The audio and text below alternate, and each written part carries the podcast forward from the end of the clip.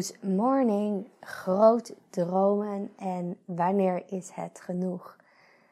Dat is iets wat ik, nou, waar ik al een tijdje mee bezig ben en over aan het nadenken ben, soms bijna aan het piekeren.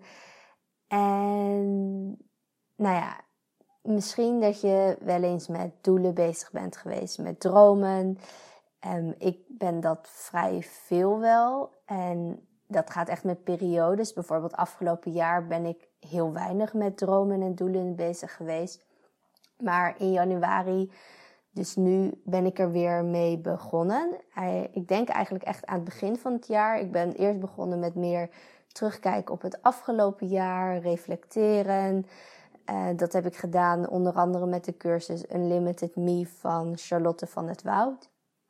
Ik vond dat echt een super fijne cursus, want daarin maakte je een heel jaaroverzicht en ging je niet meteen hup beginnen met doelen en dromen stellen en kijken waar je nu bent en kijken waar je naartoe gaat, maar ook heel erg kijken naar hoe het afgelopen jaar was en welke lessen je daaruit hebt geleerd. Wat vond je fijn, wat vond je minder fijn? Um, bij mij kwam er bijvoorbeeld heel duidelijk uit dat ik het heel fijn vind om af en toe met mensen te zijn en juist heel intensief contact te hebben. En bijvoorbeeld dat uh, mensen hier een weekend of uh, langer waren bij ons in Zwitserland. En dat ik juist die balans van dat bijvoorbeeld ongeveer gemiddeld twee weekenden. Een, nou, ik had opgeschreven één tot drie weekenden. Dat er echt actie was en dat er leuke dingen zijn. Dus mensen die overkomen of wedstrijden. Of gewoon dat David en ik en de honden een uitgebreide bergwandeling maken. En een stuk rijden om ergens naartoe te gaan. En dan dat ik ook één of twee weekenden, of soms drie ook, uh, gewoon rust heb. En ik heb door de week natuurlijk ook al best wel veel rust, omdat ik vanuit huis werk. Um, ik heb niet heel veel afspraken, ook corona-wise. En dat we hier nog niet heel veel mensen kennen. En ik het ook gewoon heel fijn vind om alleen te zijn. Maar juist dat inzicht kwam voor mij nog weer extra duidelijk naar voren. Uh, omdat ik terugkeek op het afgelopen jaar. En over dromen gesproken. Ik kan heel groot dromen. Dat is bij mij denk ik begonnen in 2017 of 2018. In ieder geval in 2018 deed ik voor het eerst echt een soort van live uh, begeleide visualisatie. Daarvoor had ik wel eens gemediteerd of gevisualiseerd, maar altijd een beetje half-half. En ik snapte het gewoon niet zo heel goed. En ik vond het ook, ik vond het vaak wel dat je er een fijn gevoel van kreeg. Uh, als je het zelf deed. En ook achteraf dat je gewoon, gewoon alleen al als je even adem in, vijf tellen vasthouden. Adem uit door je mond. Adem in door je neus, vijf tellen vasthouden. Adem uit door je mond. En dat dan drie keer of zo dan merk ik vaak al dat ik me rustiger voel en relaxer. En ik doe dat ook heel vaak gewoon als een soort van mini-meditatie tussendoor. Of nou ja, heel vaak gewoon af en toe. Maar um, echt zo'n begeleide visualisatie, dat was uh, in 2018, denk ik, het begin van 2018, de eerste keer uh, dat ik echt een soort van droomdag creëerde. Dat was ook de opdracht.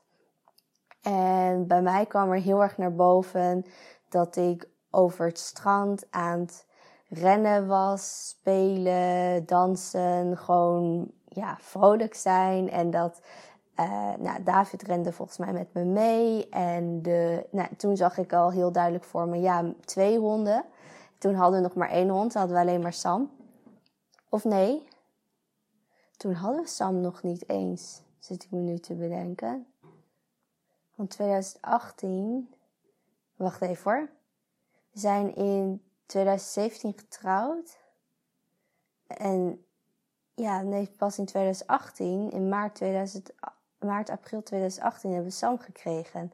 Oké, eh, ik had toen Sam nog helemaal niet. Maar ik had toen wel al dat beeld met uh, honden voor me. Nou, of misschien is dat er later bij gekomen. Oké, uh, dit is een beetje een vaag verhaal. Maar um, eh, bij mij kwam er met name naar boven dus dat strand en zo'n heel vrij, relaxed gevoel.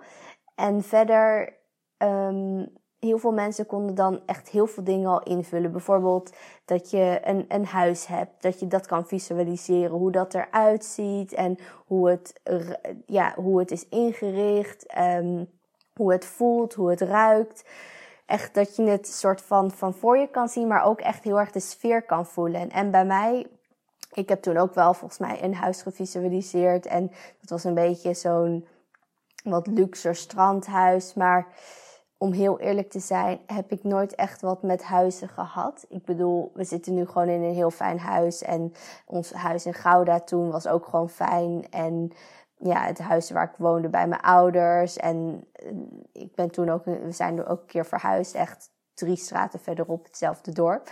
En nou ja, ik heb altijd gewoon in fijne huizen gewoond. Alleen ik heb er verder dus niet per se heel erg iets mee. Alleen terug naar het dromen en het visualiseren ik kreeg vooral dus een bepaald gevoel dat er bij mij naar boven kwam. En dat was dat vrije gevoel. En in de jaren daarna heb ik regelmatig nog wel eens uh, visualisaties gedaan. Of zelf. Of dat het gewoon op papier stond van... Oké, hoe ziet dan je ideale dag eruit? Omschrijf dit, dat, zus, zo. En op zich veranderde daar af en toe wel eens iets in. In de dingen die ik deed. Of de dingen die ik zag. Of wat dan ook. Maar wat altijd in bijna elke visualisatie weer terugkwam, was dat strand. En ik ben dus helemaal niet zo'n strandpersoon. Tot dan um, in 2019, toen uh, ben ik een paar keer op een soort van meer strandvakantie geweest. Want daarvoor had ik ook altijd het gevoel van, ja, strand, strandvakanties. Ik zag het dan altijd voor me als een beetje zo'n uitgaansvakantie. Dat je dan um, ja, de hele avond aan het uitgaan bent en dan overdag nog een beetje aan het chillen bent uh, bij het zwembad of het strand en misschien de zee in gaat en lekker zond en verder niet zoveel doet. Dat idee had ik altijd over een strandvakantie. En altijd als mensen het hadden over, ja, van wat voor soort vakanties hou je of van wat voor, voor soort reizen, dan was het vooral, ja, actieve vakanties, veel doen, uh, lekker uh, dingen ontdekken, nieuwe plekken opzoeken. En had ik altijd zoiets van, nee, strandvakanties, dat is niks voor mij. Maar toch kwam op de een of andere manier dat strand en dat vrije gevoel kwam elke keer naar boven bij mijn visualisaties. En nou ja, ik woon nu in Zwitserland. Daar is alles behalve strand. Er zijn wel hele mooie meren. Maar ja, het is een land dat is helemaal ingebouwd door andere landen. Je hebt natuurlijk hele mooie bergen, mooie natuur en dus die meren. Maar dat is wel iets anders dan strand. Hoewel ik wel heb um, ervaren dat in een meer zwemmen heeft ook wel heel veel voordelen. Bijvoorbeeld dat er geen zoutwater is, maar zoetwater. Dat is wel een van de dingen wat ik soms toch wel uh, wat minder leuk vind. Als je dan surft en je krijgt weer zo'n golf zout water over je heen. En soms dan heb je je mond net een klein beetje openstaan. Nou, dat is echt niet heel chill. En als je hier op, in het meer van je support afvalt, ja, dan lig je in het water. Maar, en neem je een hap water, maar dan is het gewoon prima smaak. Of nou ja, niet dat ik het echt drink, maar nou ja, je snapt vast wel wat ik bedoel. Oké, ehm, back to business. Ik dwaal een beetje af deze aflevering, sorry daarvoor. Maar bij mij is mijn, ja, mijn, mijn dromen, mijn visualisaties zijn dus echt een bepaald gevoel. En um, die andere vraag van wanneer is het genoeg? Want ik heb al een tijdje zoiets van: je kan altijd wel naar meer streven, naar beter, naar mooier, naar gelukkiger, naar succesvoller, naar meer voldoening en nog meer voldoening en nog meer voldoening. Maar wanneer is het genoeg? Um, toen wij onze eerste hond kreeg, Sam, toen hadden we echt na twee, drie weken al zoiets van: ja, we willen er eigenlijk nog één. Dit is zo geweldig. En dat is leuk. Dan heeft hij een vriendje om mee te spelen. Ik noem ze ook altijd uh, broertjes van elkaar. Het was zo grappig, want um, oké, weer even een afdwaalverhaal. Maar um, Sam en Snow hebben natuurlijk andere ouders. Sam is ook driekwart Shiba Inu en Snow is uh, gewoon volledig Shiba Inu. Maar ze komen uit een ander nestje. En um, toen was er iemand die aan me vroeg: Ja, maar gaat dat dan wel goed? Want ze komen niet uit hetzelfde nest. En um, ja, ze hebben niet dezelfde ouders. Is dat dan erg? en ik zei zo voor de grap: Ja, uh, ik en mijn broertjes hebben toch ook niet dezelfde biologische ouders? En diegene keek me echt aan van, oh, oh ja, dat klopt. en jullie zijn ook gewoon broer en uh, zus. Of nou ja, uh, ik ben de grote zus van mijn broertjes. En nou ja, andersom. En dat gaat gewoon ook goed. Ik heb hele leuke broertjes, by the way. Um, dus uh, dat is even een kleine side note. Alleen nu ben ik mijn verhaal weer kwijt. Um, oh ja, wanneer is het dan genoeg? En uh, nou ja, sinds we snow hebben er dan ook bij, dat is nu bijna vier maanden zoiets, hebben we wel zoiets van: oké, ja, dit is eigenlijk wel genoeg. Uh, stiekem had ik wel het gevoel van: oh, misschien wil ik er nog wel een derde hond bij, omdat ik het ja, zoveel leuker vind dan ik het ooit had verwacht. Daar ga ik sowieso ook nog een aflevering opnemen over de dingen waarvan je nooit had verwacht dat het zo ontzettend leuk zou kunnen zijn. En dat zijn honden voor mij dus zeker. Maar voor mij voelt twee nu wel als genoeg. Ik heb niet zoiets van ja, het moeten er. Ik moet nog veel meer honden hebben om nog gelukkiger te zijn. Of om er nog meer plezier uit te halen. Of, of, of hoe je het ook wil noemen. En dat is voor mij wel genoeg. En dat vond ik ook wel heel interessant. Um, ik volg uh, Tibor uh, al een tijdje van uh, Tibor.nl. En ik volgde een soort van uh, ja, korte online training van hem. van een paar uur. En hij zei daarin: Bedenk ook voor jezelf wanneer het genoeg is. Wat is voor jou een bepaalde grens van: oké, als ik dat heb, dan is het op dat moment genoeg. Kan ik gewoon een heel mooi leven leven en alles wat daar dan bovenop komt, dat kan ik weer op andere manieren bijdragen. Maar dit is voor mij gewoon genoeg om een fijn en voldoenend leven te leven. En dat vond ik wel heel mooi, want wat is dan zo'n voldoenend leven? Wat is een betekenisvol leven? Wat is een betekenisvol leven voor jou? Ik merk zelf toch wel dat geven dat ik dat toch wel heel belangrijk vind. Ik zag me vroeger echt vaak wel als een beetje een asociaal persoon. En ik kon wel geven hoor. En bijvoorbeeld cadeautjes geven vind ik altijd heel leuk. Maar ik was niet echt zo iemand die altijd maar alles deelde. En zo'n heel filantroposofisch, filantropisch, nou ja, zo'n soort persoon. En ik had toch altijd het gevoel van, ja, dat zou ik uiteindelijk moeten zijn. Alleen ik wist niet echt waarom. Want zo zag ik mezelf helemaal niet. Maar ja, dat is denk ik voor mij wel wat nog meer voldoening geeft. Maar aan de andere kant, je kan niet geven wat je niet hebt. En um, ik denk dat door zoveel mogelijk jezelf te zijn, maar ook goed voor jezelf te zorgen en gewoon al je zaken op orde te hebben en een, ja, gewoon een solide basis te hebben. Als je dat hebt, dan kun je uiteindelijk ook veel fijner en makkelijker geven. En vooral ook nog betekenisvoller. Want als jij geeft en je gaat er zelf alleen maar eigenlijk aan onderdoor. Andere mensen voelen dat op de een of andere manier. In ieder geval, dat, dat denk ik, dat gevoel heb ik. En niet altijd meteen bewust, maar misschien ook soms onbewust en misschien pas op een veel later moment. En een voorbeeld die ik daarin wel heel mooi vond was van een overflowing cup of tea. Nou ja, en dan kun je er in bedenken, of koffie, of water, of limonade, of frisdrank, of alcohol, wat je ook maar lekker vindt. En um, dat kopje staat dan op een schoteltje. En als het kopje half vol is bijvoorbeeld, dan kun je er wel wat uithalen, maar dan ja, raakt het kopje leeg. Maar als het kopje net even uh, tot het randje gevuld is en je doet er dan nog wat bij, dan overflowt, uh, dan, dan stroomt het over.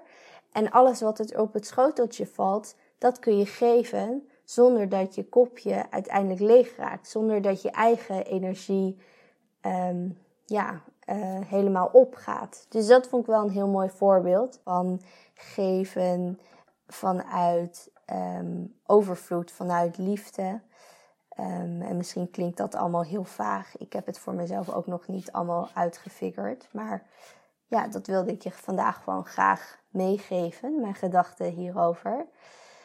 Dus groot dromen, dat moedig ik zeker aan. Ga dat eens voor jezelf doen. Beschrijf eens zo'n ideale dag als alles mogelijk zou zijn. Wat zou je dan doen op een dag? Hoe zou je je kleden? Wat zou je zien als je je ogen open doet? Hoe voel je je als je wakker wordt? Hoe voel je je gedurende de dag? Dat gevoel, dat is denk ik in ieder geval in mijn ogen op dit moment het allerbelangrijkste. Want wat ik elke keer zie, dat strand, dat staat voor mij voor een bepaald gevoel van vrijheid. En ik leef nu heel weg van alle stranden die er maar zijn. En toch voel ik me hier ook helemaal op mijn plek. En heb ik zoiets van, op de een of andere manier leef ik al mijn droomleven. Want ik heb dat vrije gevoel. Ik kan gaan en staan waar ik wil. Um, nu misschien af en toe met een mondkapje. Maar er is hier mooie natuur. Ik kan lekker wandelen met de honden. Ik werk locatie onafhankelijk. Ik heb fantastische klanten in Nederland, terwijl ik hier in Zwitserland zit en ze bedien. Het gaat dus veel meer om dat gevoel die die beelden bij je oproepen. En dat gevoel voelde ik ook al toen ik nog in Nederland woonde, toen ik nog in loondienst was. En ervoor zorgde dat ik gewoon een aantal dagen per week vanuit huis kon werken. Want um, in het begin, toen we Sam hadden, toen werkte ik ook gewoon nog in loondienst. En was het echt niet altijd even makkelijk om dan een hond te hebben. Want ja, nou ja, zoals ik erin sta, we, we, kregen niet een hond om die dan vervolgens alleen maar bij uh, een hondenoppas achter te laten. Dus ga eens naar dat gevoel en zie het voor je. Droom erover, dagdroom erover. Kijk gewoon naar buiten, laat je een beetje wegzinken, zet misschien een, een mooi muziekje op en voel wat je wil voelen. En kijk dan ook eens in je huidige leven waar je in je huidige leven, wanneer je dit gevoel al voelt. Op welke momenten is dat? En kun je die momentjes misschien wat uitbreiden? Iets meer oprekken? Meer in, meer juist bewust dat soort momenten opzoeken? Is dat als je buiten bent, als je wandelt? Is dat als je keihard aan het krachttrainen bent? Is dat wanneer je heerlijk lekker in bed aan het knuffelen bent met je partner? Of is dat als je een kopje koffie gaat drinken met vriendinnen? Whatever it is for you. Zoek dat eens op. Nou, um, dit was het voor vandaag. De afgelopen afleveringen zijn volgens mij enorm filosofisch. En ik ga ook even kijken wat voor aflevering hierna er dan weer aan gaat komen. Maar dit is gewoon nu een fase waarin ik zit in mijn leven. En ik probeer dat een beetje op dagelijkse basis mee te geven. Zodat er echt een overzicht komt van, ja, van, van het leven. En dat gaat met ups en downs. En nu zit ik in een soort van up, in een filosofische up. En uh, nou, daar geniet ik van. En ik hoop jij ook. En ik uh, spreek je stel weer. Hele fijne dag. Doei doei.